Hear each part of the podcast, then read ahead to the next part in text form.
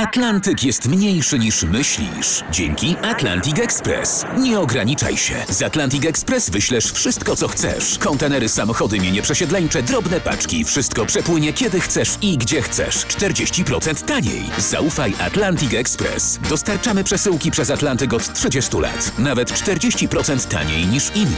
Dzwoń 1 800 775 73 63. Ekspresowo przez Atlantyk. Tylko z Atlantic Express. Misja specjalna w RMFFM. Jak Edward Gierek konstruował bombę atomową? Założono, że ta bomba będzie miała kształt dwóch złączonych podstawami stożków. Wewnątrz, otoczony silnym materiałem wybuchowym, miał się znaleźć pojemnik z ładunkiem jądrowym. To prawda, że od początku ery Polska budowała bombę nie tyle atomową, co raczej bardziej zaawansowaną technicznie bombę neutronową, która nie zostawiała praktycznie żadnego skażenia radioaktywnego. Te słowa profesora Pawła Bożyka, doradcy naukowego przy Komitecie Centralnym Polskiej Zjednoczonej Partii Robotniczej, potwierdził Jerzy Waszczuk, szef sekretariatu Edwarda Gierka. Myślę, że to była nadzieja Gierka, że to będzie taki sam element jak ogłaszanie światu, że Polska jest dziesiątym krajem, jeśli chodzi o potęgę przemysłową. To tutaj chodziło o to, że Polska jest także mocarstwem, nie tylko przemysłowym, ale i atomowym, że może mieć bombę atomową. Mówił Waszczuk w filmie Za kulisami PRL-u Gierek i bomba atomowa. Czy zatem rzeczywiście zbudowanie bomby neutronowej było w zasięgu PRL-owskiej ręki? Wszystko zaczęło się pod koniec lat 60., kiedy dr Zbigniew Puzewicz doszedł do wniosku, że można wywołać reakcję termojądrową za pomocą lasera. To było ważne odkrycie. Problem z syntezą termojądrową polegał na tym, że zachodziła ona tylko w wysokiej, liczonej w milionach kelwinów temperaturze. Można było ją uzyskać wyłącznie poprzez wybuch bomby atomowej. O ile w przypadku zastosowania militarnego taki sposób się sprawdzał, To w przypadku cywilnego, codziennego zastosowania reakcji termojądrowej w ogóle nie wchodził on w grę. Twórca amerykańskiej bomby wodorowej Edward Teller potwierdził przypuszczenia Puzewicza i Kaliskiego w kwestii wykorzystania lasera do przeprowadzenia wybuchu termojądrowego. Kaliski po powrocie do, miał duży wpływ na Gierka, po powrocie z tego kongresu w Kanadzie yy, zameldował się u Gierka i przedstawił Gierkowi taki oto plan, że polska nauka, którą on reprezentował, zapewni perspektywie, mo- może zapewnić w perspektywie niewyczerpane źródło energii dla Polski. To znaczy w ten sposób, że y, będziemy się starali wypróbować na razie w warunkach eksperymentalnych, laboratoryjnych, a potem może i na skalę przemysłową, e, kontrolowaną syntezę nuklearną. Kim był Sylwester Kaliski? Kaliski, generał i profesor nauk technicznych, zajmował się badaniem wpływu wybuchów na ciała stałe oraz fizyką jądrową. W 1967 roku został rektorem Wojskowej Akademii Technicznej. Gierkowi, pierwszemu sekretarzowi KCPZPR, marzyła się samodzielna pozycja Polski w Układzie Warszawskim. Szybko zatem zrozumiał, że badania termojądrowe mogą przynieść gospodarcze i polityczne korzyści. Na początku lat 70. tylko pięć państw wprowadziło wysoko zaawansowane technologicznie badania nad kontrolowaną syntezą termojądrową. Oprócz mocarstw atomowych Stanów Zjednoczonych i Związku Radzieckiego, były to Japonia, Francja i Wielka Brytania. Czy Polska miała szansę dołączyć do tego grona? Badania szły opornie. Eksperymenty, czy to prowadzone w Warszawie, czy w Moskwie lub w Waszyngtonie, odsłaniały kolejne trudności. Mijały lata, a problem pozostawał nierozwiązany. Zespół profesora Kaliskiego działał jawnie. O postępach badań informowano świat naukowy, czerpiąc jednocześnie z nieprzebranej studni pomysłów. Głównie ze stron międzynarodowych periodyków naukowych. Przecież chodziło przede wszystkim o znalezienie praktycznie nieskończonego źródła energii. Dlaczego nieskończonego? Do syntezy termojądrowej Kaliski i Puzewicz zamierzali użyć deuteru bądź trytu. Oba pierwiastki można znaleźć w wodzie morskiej. Sam proces termojądrowy również nie był niczym nadzwyczajnym. Podobne zjawisko występowało na Słońcu. Zamierzano więc odtworzyć naturalne zjawiska w laboratorium, a później w przemyśle i, jak marzył Gierek, w bombie. Aby jednak osiągnąć cel, należało stworzyć warunki podobne do tych na Słońcu.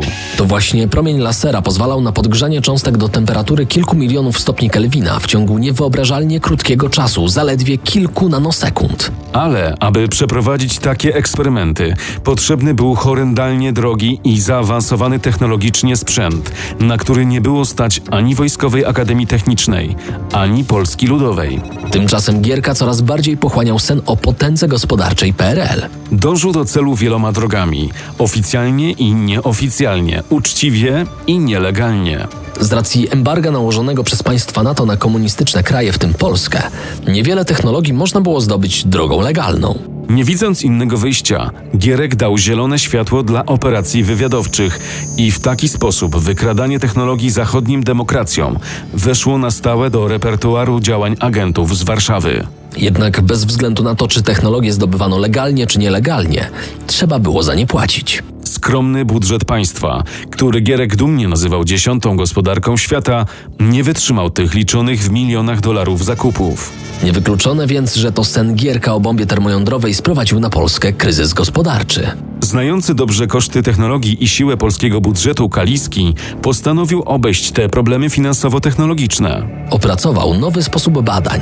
Nazywał je metodą focus laser. Gaz podgrzewano do wysokiej temperatury za pomocą wyładowań elektrycznych i dopiero potem naświetlano laserem. Efekt doświadczenia był zadowalający, a pieniądze potrzebne na eksperyment mniejsze. W kwietniu 1973 roku w Instytucie Badań Jądrowych w Świerku pod Warszawą Polska dokonała kontrolowanej mikrosyntezy jądrowej jako szóste państwo na świecie. Polska osiągnęła sukces po zaledwie sześciu latach badań i stosunkowo niewielkich pieniądzach. Inne państwa, w tym dwa światowe mocarstwa, potrzebowały na to około 20 lat. Kiedy jesienią 1974 roku profesor Kaliski zasiadł na stanowisku ministra nauki i szkolnictwa wyższego, zdobył wpływ na podział środków finansowych. Przydzielił więc odpowiednią kwotę na zakup nowoczesnych laserów we Francji. Utworzył Instytut Fizyki Plazmy i Laserowej Mikrosyntezy oraz zainicjował nowy kierunek badań. Syntezę termojądrową poprzez konwencjonalny wybuch. Ten nowy kierunek badań zdecydowanie obniżył koszty eksperymentów.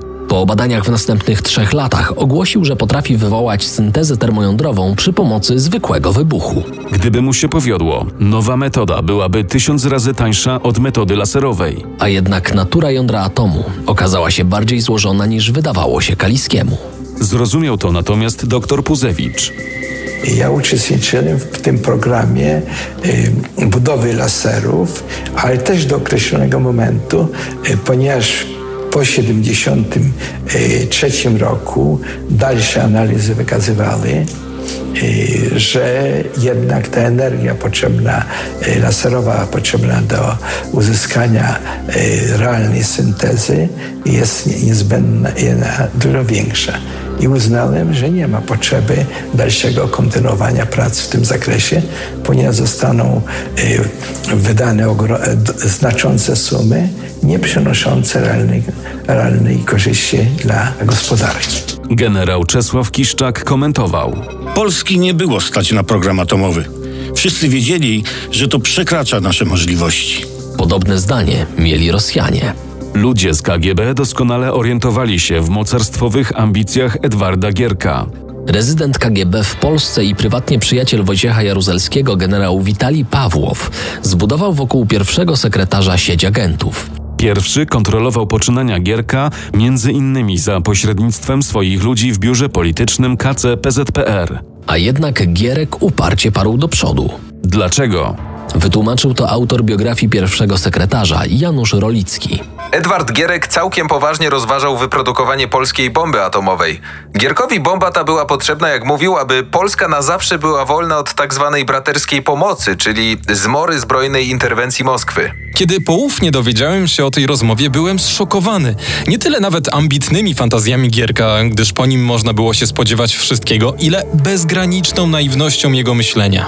Przyznał Pawłow. Czy wobec takiej kontroli KGB Gierek miał szansę zrealizować swoje marzenie? Plany gierkowe na skutek serwilistycznej postawy członków elity komunistycznej wobec Wielkiego Brata ze wschodu były chyba jednak skazane od początku na porażkę. Twierdził Rolicki. Moskwa nigdy nie dopuściłaby bowiem do tego, aby Polska w ograniczonym choćby stopniu została członkiem klubu atomowego.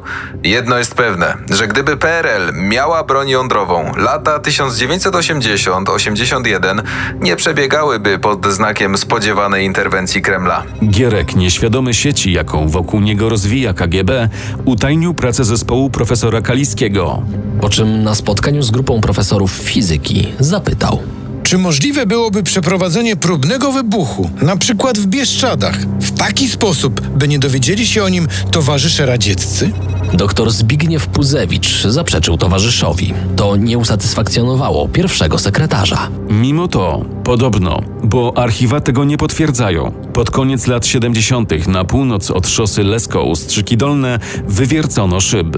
Oficjalna wersja głosi, że poszukiwano tam złóż gazu i ropy. Nieoficjalnie mówiono, że to przygotowania do próbnej eksplozji. Jak głosi lokalna legenda, po Bieszczadach w okolicach Ropienki, Paszowej i Wańkowej kręcili się panowie z Warszawy. Nikt jednak dokładnie nie wiedział, po co tyle ludzi zjechało w Bieszczady. Janusz Rolicki, pracując nad biografią Edwarda Gierka, dotarł do informacji o budowie w Bieszczadach betonowych bunkrów. Na zamkniętym obszarze około tysiąca hektarów. W jakim celu? Aż nie chce się wierzyć, żeby ktoś odpowiedzialny dał zgodę na próby termojądrowe w okolicy oddalonej zaledwie o kilkanaście kilometrów od bieszczadzkich wsi i miasteczek. Wycieczki w Bieszczady nie przyniosły efektu. Program atomowy Edwarda Gierka zgasł tak szybko i nagle, jak się rozpalił. A stało się to w tajemniczych okolicznościach. 5 sierpnia 1978 roku nad ranem, po całonocnej pracy, profesor Sylwester Kaliski z żoną Ireną wyjechali na wakacje na urlop do Podczela pod Kołobrzegiem. Niebieski Fiat 132 jechał spokojnie. Kaliski nie spieszył się. Minęli już Bobolice i zbliżali się do Koszalina. Byli już niemal u celu podróży. I wtedy dopędzili brzydką granatowo-zieloną Nysę. To był prosty odcinek szosy. Już po kilku minutach jazdy profesor zorientował się, że Nysa ma niesprawne światła stop.